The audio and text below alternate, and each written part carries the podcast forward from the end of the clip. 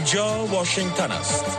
رادیو آشنا صدای امریکا. شنونده های محترم سلام. صبح همه شما بخیر. آواز ما را از برنامه های خبری صبحگاهی رادیو آشنا صدای امریکا میشنوین. رویا زمانی هستم با تقدیم بخش برنامه. نخست از همه همکارم لیلما حبیب عظیمی با تقدیم مشروع خبرهای این ساعت. سلام و صبح بخیر. لیلما حبیب عظیمی هستم با مشروع خبرها. سازمان عفو بین الملل از طالبان خواسته است تا دو فعال در عرصه معارف به نامهای احمد فهیم عظیمی و صدیق الله افغان را که در اکتبر سال گذشته بازداشت شدند فورا آزاد کند. این سازمان اواخر دیروز شنبه در نامه به عبدالحق وسیق رئیس استخبارات حکومت طالبان نوشته است که به این دو نفر اتهام دروغ وارد شده است که برای فرار تیم ملی روباتیک دختران از افغانستان و سازماندهی اعتراضات کمک کردند اما عفو بین الملل می‌گوید این دو فعال و خانواده هایشان این اتهامات را رد کردند. عفو بین الملل می افزاید که طالبان فهیم عظیمی و صدیق الله افغان را در ماه دسامبر به طور ناعادلانه محاکمه کردند و سپس آنها را به زندان پلچرخی فرستادند. این سازمان همچنان گفته است که هر دو فعال مورد شکنجه بدرفتاری آزار و اذیت قرار گرفته و مجبور به اعتراف شدهاند. عفو بین الملل دستگیری این فعالان را اقدام علیه آزادی بیان و حقوق مدنی و سیاسی خوانده و از رئیس استخبارات طالبان خواسته است تا از آدم ربایی بازداشت خودسرانه شکنجه و سایر بدرفتاری ها با مردم دست بردارند.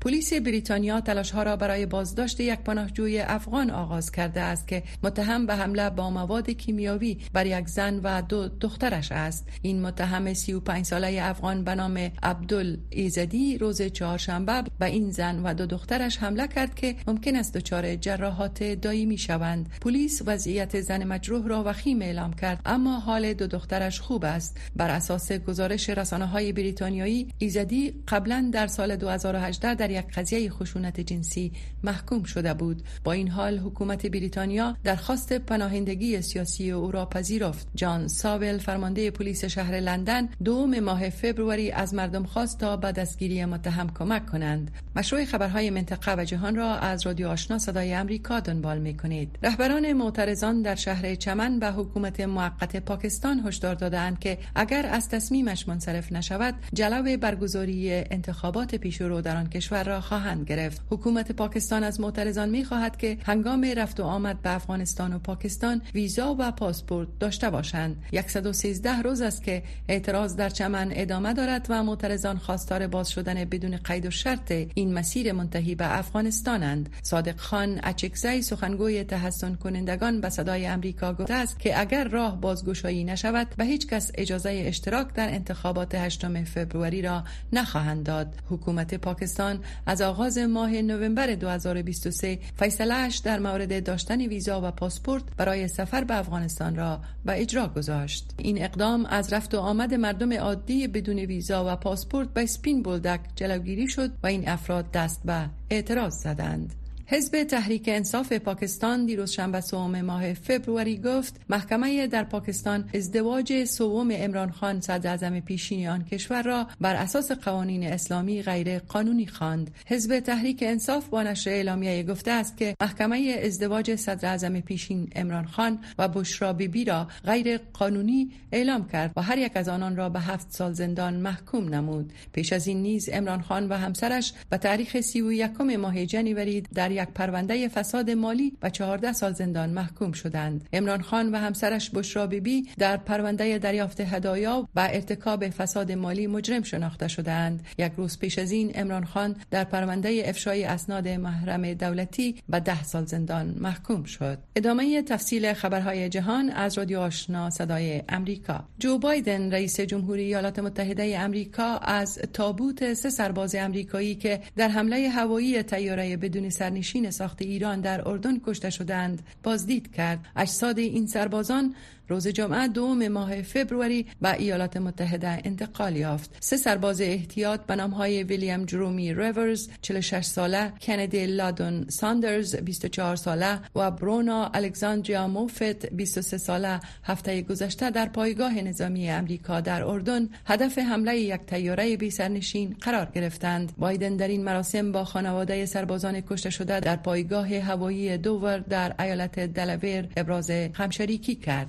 ویلیام روتو رئیس جمهور کینیا دیروز شنبه مقام های بیکفایت و فاسد دولتی را مسئول انفجار مرگبار گاز در نایروبی دانست که منجر به کشته شدن سه تن و مجروح شدن 280 تن گردید. وی گفت مقام های دولتی مجوز نصب گاز در مناطق مسکونی را زمانی صادر می کنند که همه چیز روشن باشد اما این کار اشتباهی است که به دلیل بیکفایتی و فساد مجوز صادر شده است. ایالات متحده امریکا بر روز جمعه حملات هوایی را در شرق میانه در تلافی حمله مرگبار تیاره های بی پیلوت روز یکشنبه گذشته بر پایگاه امریکایی ها در اردن انجام داد. قماندانی مرکزی ایالات متحده یا سنتکام گفته است که نیروهای امریکایی حملات هوایی در عراق و سوریه علیه نیروی قدس سپاه پاسداران انقلاب اسلامی ایران و گروه های شبه نظامی وابسته به آن انجام دادند. نیروهای نظامی ایالات متحده بیش از 85 هدف را مورد حمله قرار دادند. دگر جنرال داگلاس سیمز که به عنوان عامر عملیات درسیس های مشترک اردوی آمریکایی فای وظیفه می کند گفت در حال حاضر همه تیاره های ما در معرض خطر است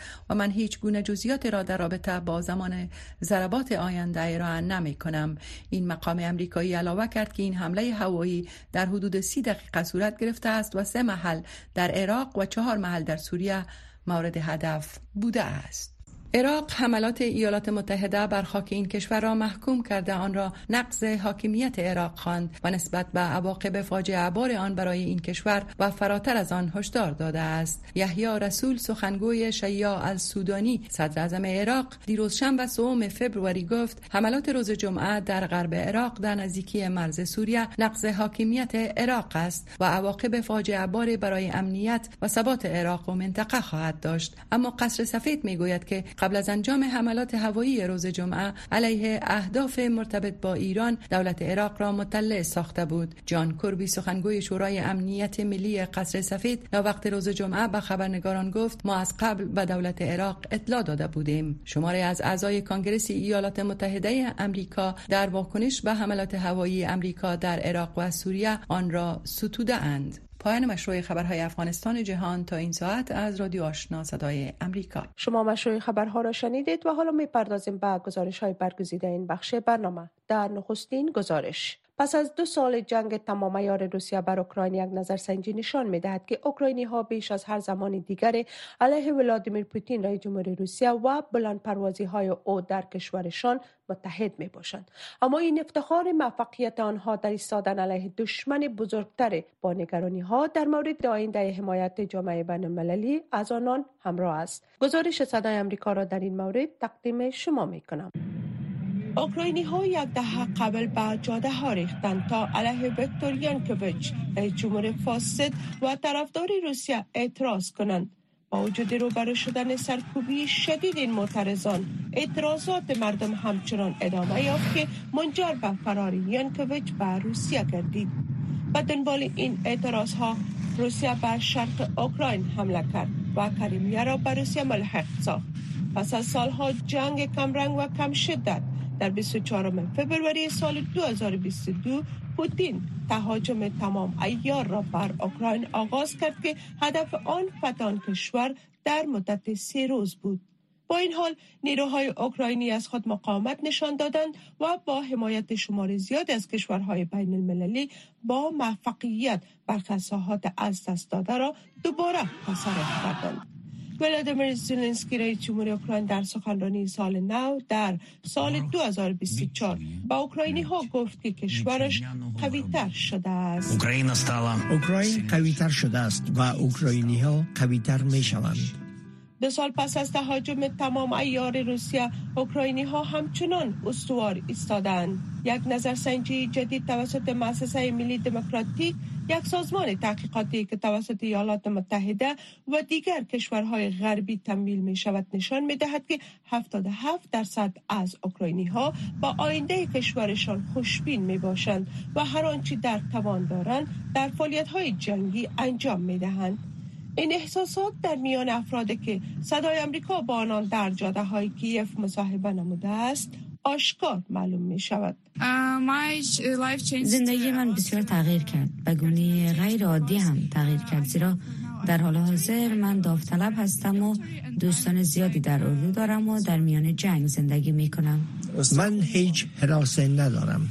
مارسین والکی مدیر صاحبی بخش اوکراین در انستیتوت ملی دموکراتیک که نظرسنجی های منظم را انجام می دهد می گوید که هنوز هم امروز با افزایش تلفات در میدان جنگ و بنبست این جنگ و مجازات اوکراینی ها دیدگاه دیدگاه واقع بینانه تری را در مورد جنگ اتخاذ می کنند. اوکراینی ها درک این را دارند که این یک جنگ طولانی خواهد بود. در ماه می سال 2022 اکثر اوکراینی ها فکر می کردند که این کار تا شش ماه طول خواهد کشید. در حال حاضر 43 درصد بر این باور هستند که جنگ کم از کم تا 12 ماه دیگر ادامه خواهد داشت. این نظرسنجی ها نشان می دهد که اکثر اوکراینی ها به شدت ترجیح می دهند تا اوکراین دموکراتیک را شاهد باشند. زمانی که از اوکراینی ها این تحقیق پرسیده شد که تا چی اندازه مبدل شدن اوکراین به یک دموکراسی فعال برای آنان مهم است؟ 93 درصد در پاسخ گفتند که امر برای آنان مهم یا بسیار مهم است.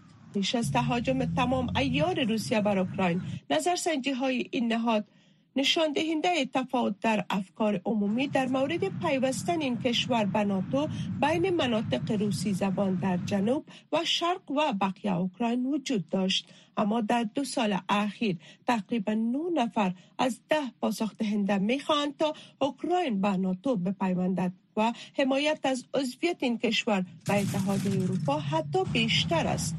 در حالی است که نزدیک به 90 درصد از اوکراینی ها از کاهش حمایت جهانی برای اوکراین ابراز نگرانی می کنند. ما صداهایی را از غرب می شنویم که خستگی در آن احساس می شود. این در واقع به این معنی است که روس ها در برابر غرب پیروز شدهاند و این دقیقا مشکل است که اوکراینی ها در مورد آن نگران هستند. روس ها این زوف ها را می بینند. اوکراینی ها حمایت بین المللی فساد تفرقه های داخلی و اطلاعات غلط را عنوان تهدیدات اصلی کاهش در حمایت جامعه بین المللی قلمداد می کنند و در رده دوم تجاوز نظامی روسیه بر اوکراین برای آنان قرار دارد. رادیو آشنا صدای امریکا منبع موثق خبرها و گزارش های جهان و افغانستان ایالات متحده امریکا روز جمعه در تلافی کشته شدن سه سرباز امریکایی در حمله تیاره بی پیلوت به پایگاه امریکایی در اردن. حملات هوایی را در عراق و سوریه علیه نیروی قدس سپاه پاسداران انقلاب اسلامی ایران و گروه های شبه نظامی وابسته به آن آغاز کرد. این حملات هوایی اندک پس از شرکت جو بایدن رئیس جمهور آمریکا در مراسم انتقال اجساد سربازان در پایگاه نیروی هوایی دور آغاز شد. خبرنگار صدای امریکا در این مورد گزارش را تهیه کرده است که برگردانی آن را از عبدالواجد عادل میشنوید. های اردوی ایالات متحده با استفاده از ها از جمله با های دوربرد سه نقطه را در عراق و چهار نقطه را در سوریه بمباران کردند. دستورین حملات تلافی جویانه از سوی رئیس جمهور جو بایدن داده شده بود. در مجموع 85 هدف مرتبط با نیروی قدس سپاه پاسداران انقلاب اسلامی ایران و گروه های شبه نظامی وابسته به آن مورد هدف قرار گرفت. جنرال دگلس سیمز آمر عملیات درستیدهای مشترک در یک نشست تلفنی روز جمعه گفت که این آخرین حملات نخواهد بود. در حال حاضر همه تیاره های ما در معرض خطر است من هیچ گونه جزئیات را در رابطه با زمان ضربات آینده ارائه نمی کنم اهداف شامل مراکز عملیات قمانده و کنترل، مراکز اطلاعاتی، راکت ها و میزایل ها، ذخایر های بی پیلوت و تدارکات لوجستیکی و مهمات گروه های شبه نظامی و حامیان سپاه پاسداران انقلاب اسلامی ایران است. کمتر از سه ساعت قبل از حملات بایدن و بانوی اول جل بایدن در مراسم انتقال اجساد سه نیروی احتیاط اردوی ایالات متحده شرکت کردند. آنان روز یک شنبه در حمله های بی پیلوت به یک پایگاه امریکایی در اردن که ایالات متحده آن را به مقاومت اسلامی در عراق گروه تحت حمایت ایران نسبت می دهد کشته شدند. جان کربی سخنگوی شورای امنیت ملی روز جمعه در یک نشست تلفنی به صدای امریکا گفت که زمان حملات ایالات متحده بیشتر بر اساس اوضاع جوی تعیین شده است. به هیچ وجه هیچ ارتباط با زمان انتقال امروزی اجساد در نیروی هوایی دوور وجود ندارد. انتقال اجساد به پایگاه نیروی هوایی دوور دلاور با حضور خانواده های داغدار، مقام های نظامی، از جمله وزیر دفاع لوید آستین و قانونگذاران ایالت جورجیا جایی که هر سه اسکر کشته شده باشندگان آن بودند برگزار شد. بایدن اوایل این هفته با خانواده های آنها صحبت کرد.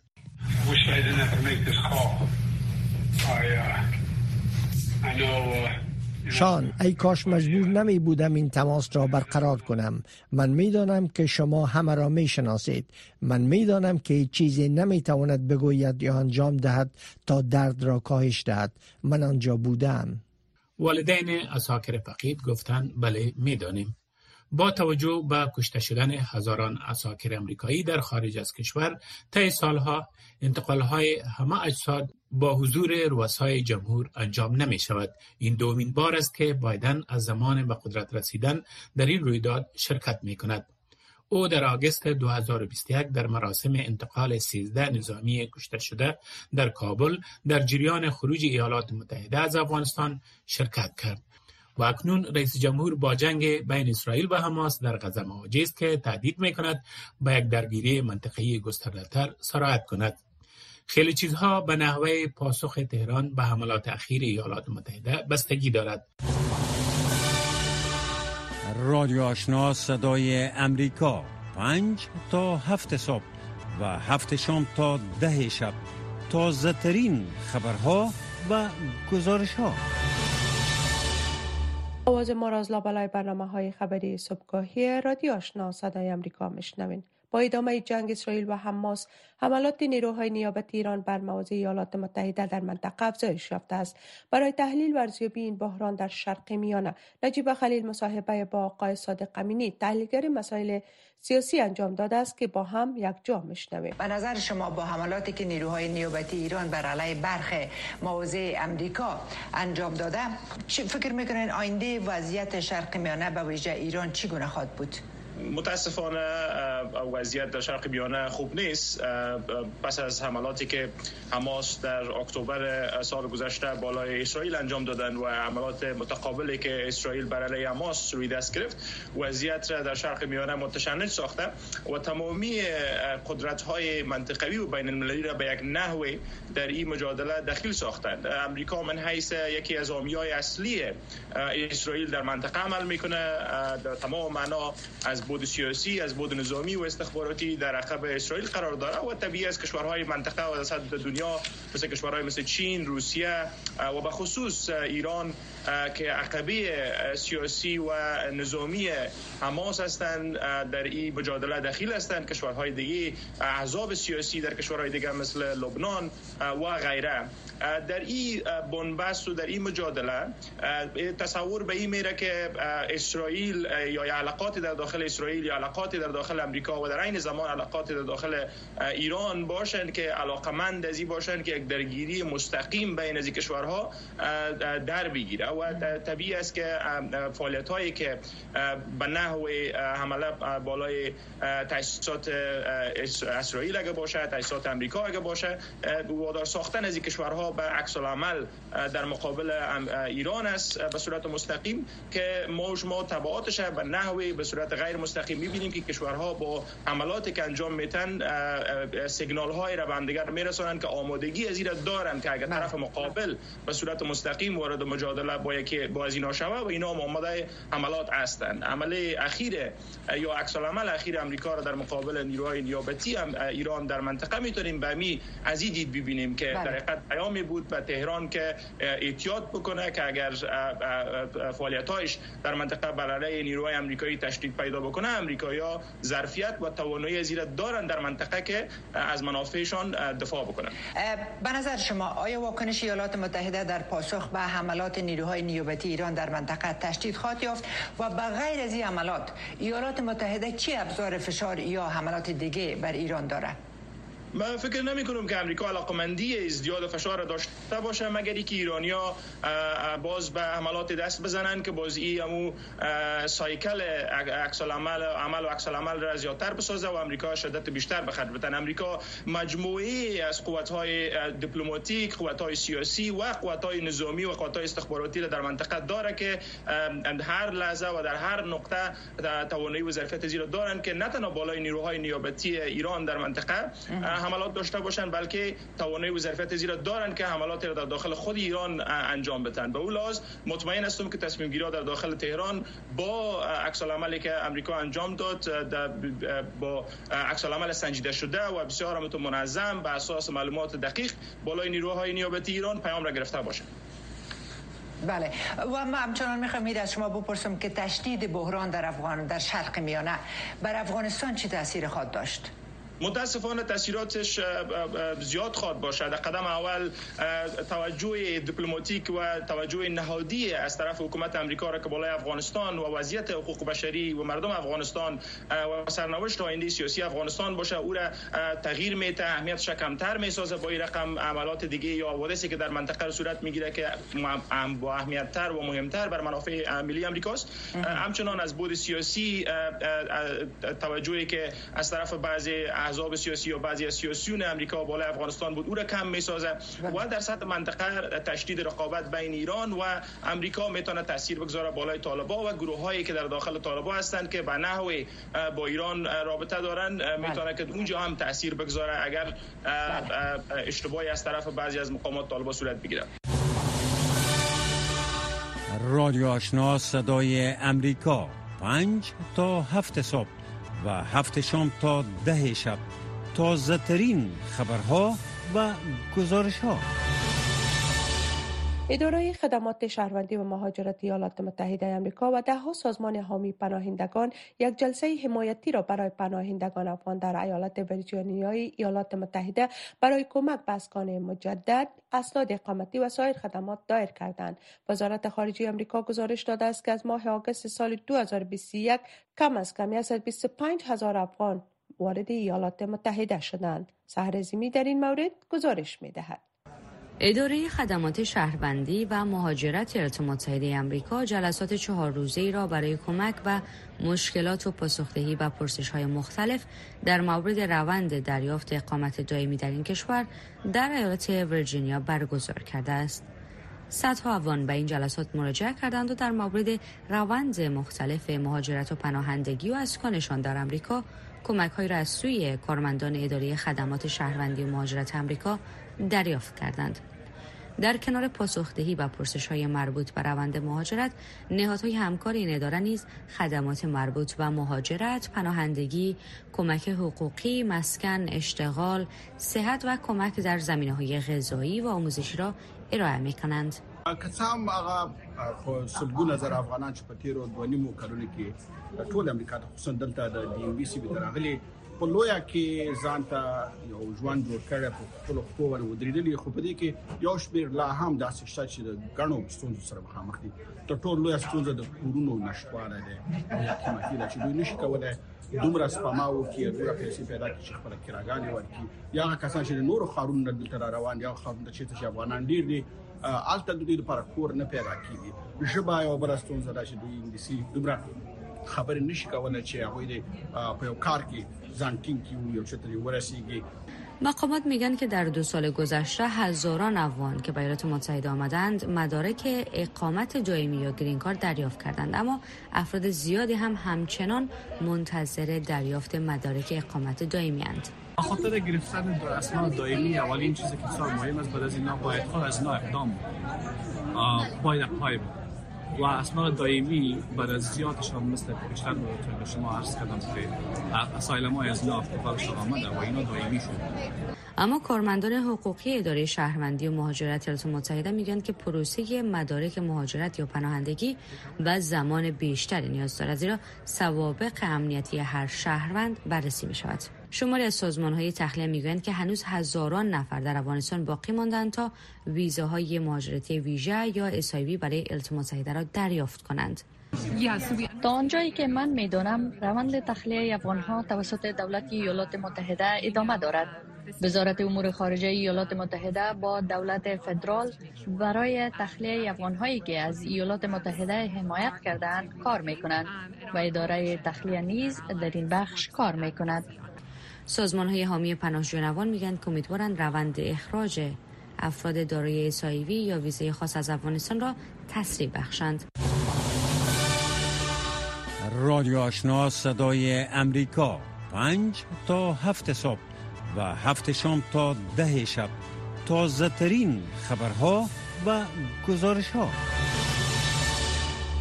شنونده های محترم نصرالله استانکزر استاد پیشین حقوق در بنتون کابل می‌گوید که در نظام حقوقی افغانستان جرمی به نام جرم رسانه‌ای یا جرم مطبوعاتی وجود ندارد. آقای استانکزی بازداشت های اخیر خبرنگاران و کارمندان رسانه‌ای توسط طالبان را در افغانستان فراقانونی خواند. به گفته آقای استانکزی بر اساس قانون رسانه های همگانی خبرنگاران باید در انجام فعالیت های مسلکیشان آزاد باشند و مسئولین نباید کار آنان را محدود و یا آنان را تهدید کنند بلکه باید از آنها حمایت کنند فرخنده پیمانی این موضوع را از لحاظ حقوقی مورد بررسی قرار داده و گزارش را تهیه کرده است که اینک به توجه شما میرسانیم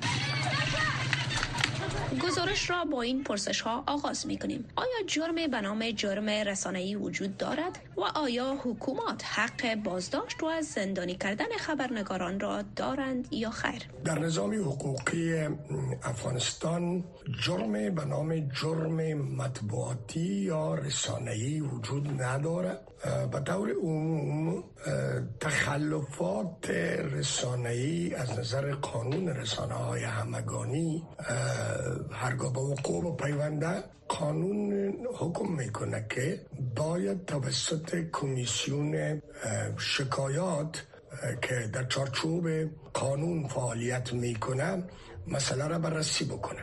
با گفته آقای استانکزی در صورت اثبات تخلف رسانه‌ای توسط خبرنگار برخی مایدات تعدیبی مطابق قانون تعیین و تطبیق می گردد اما اگر عمل خبرنگار یا رسانه جرم تلقی گردد موضوع متفاوت است و موضوع باید به نهادهای عدلی و قضایی محول گردد تا به آن رسیدگی صورت گیرد. علیه معتقدات و احکام دین مقدس اسلام نشرات بکنن این عمل مخالف قانون شناخته میشه. علیه ارزش های ملی علیه توهین و تحقیر ادیان اشخاص شخصیت ها و اینا صورت بگیره.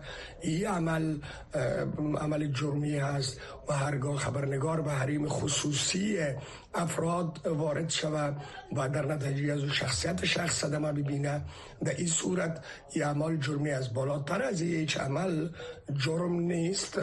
اگرچه وزارت اطلاعات و فرهنگ حکومت طالبان کمیسیون رسیدگی به شکایات و تخلفات رسانه‌ای را ایجاد کرده است اما اکثر قضایای مرتبط به خبرنگاران و رسانه ها را ریاست استخبارات طالبان پیگیری کرده. خبرنگاران را بدون آگاهی وزارت اطلاعات و فرهنگ بازداشت و زندانی می کنند از اونجایی که از رأس حرم قدرت تا قاعده حکومت طالبان دشمنی بی حد و مرزی را با رسانه ها خبرنگاران و آزادی بیان دارند.